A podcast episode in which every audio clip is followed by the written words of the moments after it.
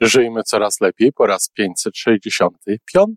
Dzień dobry, witam ciepło i serdecznie wszystkich słuchaczy podcastu Żyjmy coraz lepiej. Dzisiaj kolejna część, kolejny fragment przepięknej książki Życie jest sztuką, którą napisała Iwona Majewska-Opiełka.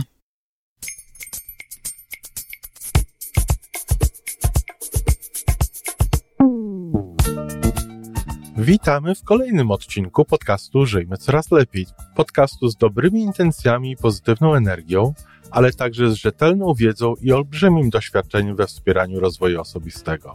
Chodzi nam o to, aby ludziom żyło się coraz lepiej, aby byli coraz bardziej spełnieni, radośni i szczęśliwi. A że sposobów na spełnione życie jest tyle, ile nas, więc każdy musi znaleźć ten swój. A teraz już zapraszam do wysłuchania kolejnego odcinka. A teraz jeszcze coś, co powinnam zrobić na początku, czyli się przedstawić. Ania Klimowska. Tak, i to właśnie ja będę dalej czytała tą wspaniałą książkę. Słuchanie głosu serca. Ludzie wykształceni, oczytani, inteligentni bardzo często mają tendencję pojmowania świata głównie, czasem wyłącznie, poprzez intelekt i myślenie, czyli za sprawą najmłodszej części mózgu. Analizują swoje zachowania, przemyśliwają decyzje, kalkulują, przewidują w oparciu o jakieś dane czy prognozy. Często w ogóle nie pytają serca, co ono o tym sądzi. Mówią: To jest logiczne, to jest wygodne, to zapewni mi dobrą przyszłość, ale także tak trzeba. Takie czasy. Tak to zawsze wyglądało w naszej rodzinie. To jest to, czego ode mnie oczekuje mąż, żona, rodzic, społeczeństwo. Czasem nawet tworzą bardziej ogólne opinie. To jest rozsądne. To jest praktyczne. To jest mądre. Stop, stop, nie tak szybko. Rozsądne może tak, choć nie zawsze. Praktyczne to się okaże po pewnym czasie. Ale mądre nie jest to na pewno. Mądrość bowiem uwzględnia w swoich decyzjach cały umysł, nie tylko korę mózgową. Viktor Frankl, genialny lekarz psychiatra, ale także filozof, pisał w książce Wola sensu: Bywa, że mądrość serc naszych przewyższa przenikliwość rozumu. Czasami zaś najrozsądniejszą rzeczą jest nie starać się być zbyt rozsądnym. To drugie zdanie to w zasadzie rada i jakże niełatwa do zaakceptowania dla intelektualisty.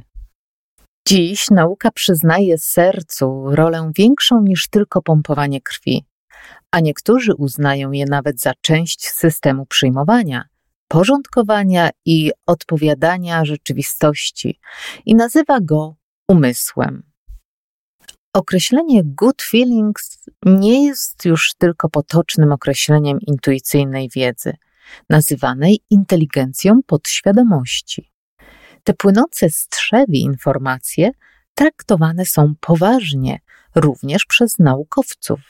Bada się nawet w jakim stopniu pomagają one w podejmowaniu dobrych decyzji.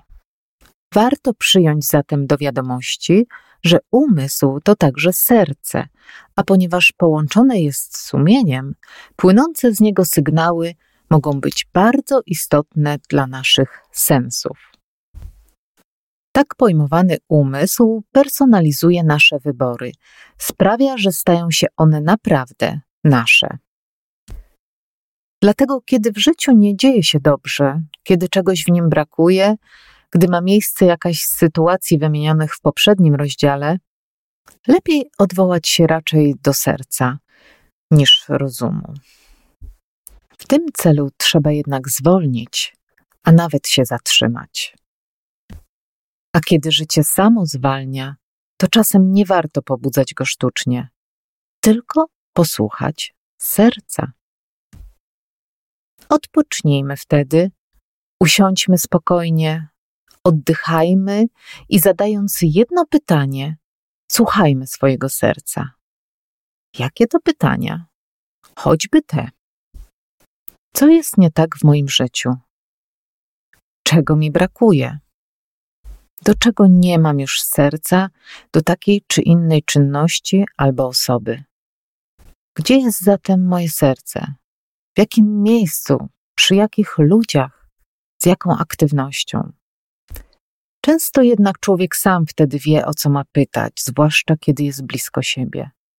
Odpowiedzi trzeba koniecznie zapisać. Chodzi o to, byśmy mieli to jasno wyartykułowane. A co, jeśli nie zauważamy, by życie zwalniało? Wciąż jesteśmy zajęci i ogromnie aktywni, a jednocześnie niezbyt szczęśliwi. Wtedy najlepiej odpocząć, narzucić sobie nawet ten odpoczynek. Nie jest to jednak typowy sposób odpoczywania, ale taki właśnie dla potrzeby serca. Viktor Frankl mówi: Trzeba nam nowego rodzaju wypoczynku, który umożliwia kontemplację i medytację. W tym celu człowiek musi mieć odwagę być samotnym. Tak, czasami warto znaleźć miejsce i czas na to, by zatrzymać się samotnie i posłuchać serca. Twój ruch. Odpowiedz na wypunktowane pytania. Zrób to starannie. Może zapisz. Zatrzymaj się samotnie. Słyszy się często zdanie, że człowiek jest zwierzęciem stadnym. Nie bardzo podoba mi się to porównanie. Nie podoba mi się wszelkie porównywanie człowieka do zwierząt i na tej podstawie wnioskowanie o jego potrzebach czy predyspozycjach. Jesteśmy jakościowo różni od zwierząt. Mamy po części inne wyposażenie biologiczne i zupełnie inne wyposażenie psychologiczne.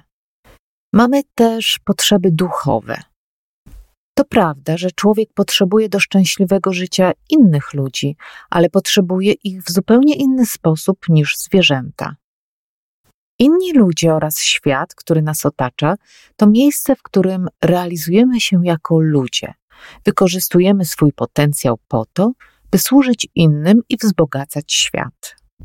Potrzebujemy ludzi do transcendencji, do przekraczania siebie. Ten sposób doświadczamy samoaktualizacji czy samorealizacji, a zatem stajemy się szczęśliwi. Jednakże to sami dla siebie jesteśmy centrum wszechświata. To przecież my przeżywamy wszelkie uczucia, emocje, to w nas samych rozgrywają się dyskusje intelektualne i procesy decyzyjne. To my interpretujemy wszystko, co do nas dociera. I to w nas są talenty, predyspozycje i skłonności. W nas są pragnienia. Z tego wszystkiego rodzą się albo nie marzenia. To w nas jest źródło, i trzeba do tego źródła się odwoływać. Wszelka świadoma podróż człowieka zaczyna się od poznania siebie. Poznanie siebie radziła już wyrocznia delficka, a dziś radzi to większość ludzi wspierających rozwój osobisty. Trzeba wiedzieć, kim się jest, jeśli ma się świadomie podróżować przez życie i wybierać dobre drogi, ilekroć znajdzie się na rozdrożu. Nawet jeśli to poznawanie siebie dzieje się wśród ludzi i w relacji z nimi, analizy, syntezy i wyboru dokonuje się samotnie. Tylko w samotności i w ciszy można naprawdę usłyszeć swoje serce. Trzeba też umieć oddzielić siebie i swoje potrzeby od innych i od ich potrzeb. Szczególnie kobiety nie zawsze dobrze sobie z tym radzą. Nie dajemy się też zwieść pozorom życia, szumowi wokół nas i temu wszystkiemu, co się dzieje. Człowiek tak naprawdę sam się rodzi i sam umiera. Nieważne, jak wiele osób towarzyszy ciału, to jest samotna podróż duszy i trzeba to zaakceptować. Nie mylmy samotności z osamotnieniem. Samotność to wybór, albo pełna akceptacja faktu, że jesteśmy sami.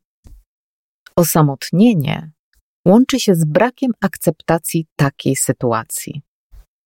Często zresztą czują się tak właśnie te osoby, które nigdy nie nauczyły się być same. A ta samotność jest nam tak bardzo potrzebna. Niepermanentna oczywiście, jednak nie powinniśmy być cały czas wśród ludzi. Wzory samotności to znaczy zapisy o jej wyborze. Mamy w najstarszych pismach wszystkich religii. Jezus także przebywał samotnie na pustyni. A jednak ludzie boją się samotności. Mam wrażenie, że niektórzy boją się również ciszy. Nawet jeśli ktoś ma szansę na to, aby pobyć sam ze sobą, włącza muzykę, radio albo telewizor. To nie jest bycie ze sobą samym. Człowiek potrzebuje samotności i powinien mieć na to codziennie szansę. Warto spędzić tylko ze sobą przynajmniej godzinę dziennie, a raz na jakiś czas mieć tego czasu znacznie więcej, na przykład tydzień albo chociaż trzy dni. Warto też ćwiczyć siedzenie w ciszy ze samym sobą. Zaczynamy od pięciu minut dziennie. Najlepsza pora dnia to poranek, jednak może być również każda inna. Siadamy wygodnie na krześle w pokoju, w którym nie ma nikogo. Nie krzyżujemy nóg ni rąk i po prostu oddychamy. Nie zatrzymujemy myśli. Niech przefruwają przez naszą świadomość. Przyglądamy się naszemu umysłowi. Czujemy chwilę. Stopniowo zwiększamy czas do 20 minut. Z czasem, kiedy już przychodzi nam to w miarę swobodnie, przed takim siedzeniem można zadawać sobie istotne pytanie. Odpowiedź na pewno przyjdzie, zwykle w ciągu tego samego dnia. Poczujemy w sercu, że jest to odpowiedź na zadane pytanie. Twój ruch. Zacznij ćwiczyć samotne siedzenie w ciszy. Jeśli pięć minut to za długo, zacznij od jednej minuty. Co wiemy o człowieku? O człowieku wiemy dużo i nic. Dzięki Gutenbergowi, Edisonowi oraz twórcom maszyny do pisania i word procesorów, a także innym ludziom, których wynalazki ułatwiły utrwalenie myśli, znakomita większość z tego, co wnoszą do świata wiedzy badacze i naukowcy, jest utrwalona. Ta skarbnica wiedzy zawiera jednak różnorodne doniesienia. Badania, które się potwierdzają, ale i takie, gdzie kolejne badania wykluczają prawdziwość wniosków z poprzednich. Głosy dowodzące przeciwstawnych sobie teorii, a oprócz tego po prostu wiele różnych ujęć tego samego tematu. Bryluje w tym szczególnie psychologia, a i filozofia nie pozostaje jej dłużna. W matematyce, fizyce czy innych ścisłych naukach pewne terminy są stałe i zawsze znaczą to samo. Jednak w psychologii te same zjawiska mogą nazywać się różnie. Wydaje się nawet, że nazywanie tych samych rzeczy od nowa jest wręcz ambicją niektórych badaczy. Do tego jeszcze wiedza na temat tego, kim jest człowiek i czego może dokonać, codziennie rozszerzają zarówno raporty badaczy ludzkiego fenomenu, jak i doświadczenia niektórych z nas. No i mamy internet. W świetle tej mnogości informacji i łatwości dostępu do nich, jeśli chcemy mówić o człowieku i nie zagubić się, musimy przyjąć jakąś koncepcję, jakiś sposób opisywania człowieka. Prostą konsekwencją tego wyboru jest zachowanie zgodne z wybranym modelem. Znowu posilę się słowami Frankla. Nie istnieje psychoterapia bez teorii człowieka i leżącej u jej podstaw filozofii życia. Nie zajmujemy się tutaj psychoterapią, ale raczej profilaktyką psychologiczną. Ale my także musimy przyjąć jakąś koncepcję człowieka. Przyjmuję ją zatem i ja zdając sobie sprawę, że nie każdemu jest z nią po drodze. W poprzednim rozdziale prosiłam, aby spędzić ze sobą w ciszy 20 minut. Może lepiej powiedzieć z częścią siebie, bo tak naprawdę ofiarujemy te minuty duszy. Moja koncepcja człowieka zakłada, że człowiek ma ciało, emocje, intelekt i duszę. Że jest on fizyczny, biologiczny, psychologiczny i duchowy. Viktor Frankl pięknie powiedział: Człowiek to jedność pomimo różnorodności. Franklowi chodziło głównie o to, że nie można człowieka traktować fragmentarycznie, zajmując się jedynie jednym jego obszarem. Trzeba odwoływać się do całości jego istnienia, która jest zarówno biologiczna, jak i psychologiczna, emocjonalna i intelektualna oraz duchowa. Niektórzy badacze koncentrują się bowiem tak bardzo na fizjologii, że zapominają, iż człowiek to nie tylko ciało z jego hormonami, neurotransmiterami i całym genialnym wyposażeniem biologicznym, ale także intelekt, czyli to, co wie o świecie, oraz duch, którego siła jest jakby z innej bajki niż fizjologia. Człowiek to ciało, emocje, intelekt i duch. Tylko tak traktowany będzie całością. Różnimy się od siebie nieprawdopodobnie we wszystkich tych obszarach, ale też mamy ze sobą wiele wspólnego. Mamy podobne wyposażenie jako gatunek oraz wszyscy podlegamy tym samym prawom i zasadom.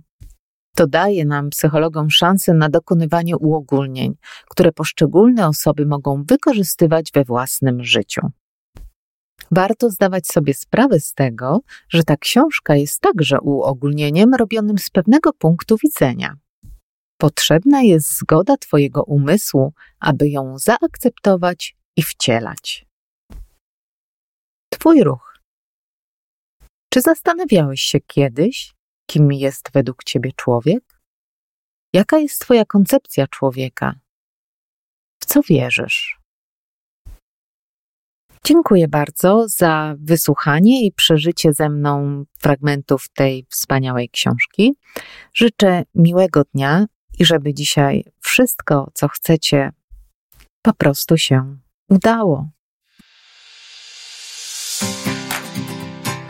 I to wszystko na dzisiaj. Podcast Żyjmy Coraz Lepiej jest stworzony w Toronto przez Iwonę Majewską-Opiełkę i Tomka Kniata. Sześć razy w tygodniu przygotowujemy dla Was nowy, ciekawy odcinek. Jeżeli lubisz nas słuchać, to prosimy o reakcję. Polub nas, skomentuj, tak jakbyśmy sobie po prostu rozmawiali. Zapraszamy do darmowej subskrypcji. Jesteśmy dostępni na każdej platformie, gdzie można słuchać podcastów. Wystarczy nas tam poszukać. A po więcej informacji zapraszamy na stronę www.majewska-opiełka przez l.pl. Jesteśmy też na Facebooku i na Instagramie. Jeżeli uważasz, że nasze podcasty pomagają Ci w Twojej drodze do jeszcze lepszego życia, to proszę, przedstaw nas swoim przyjaciołom. Do usłyszenia.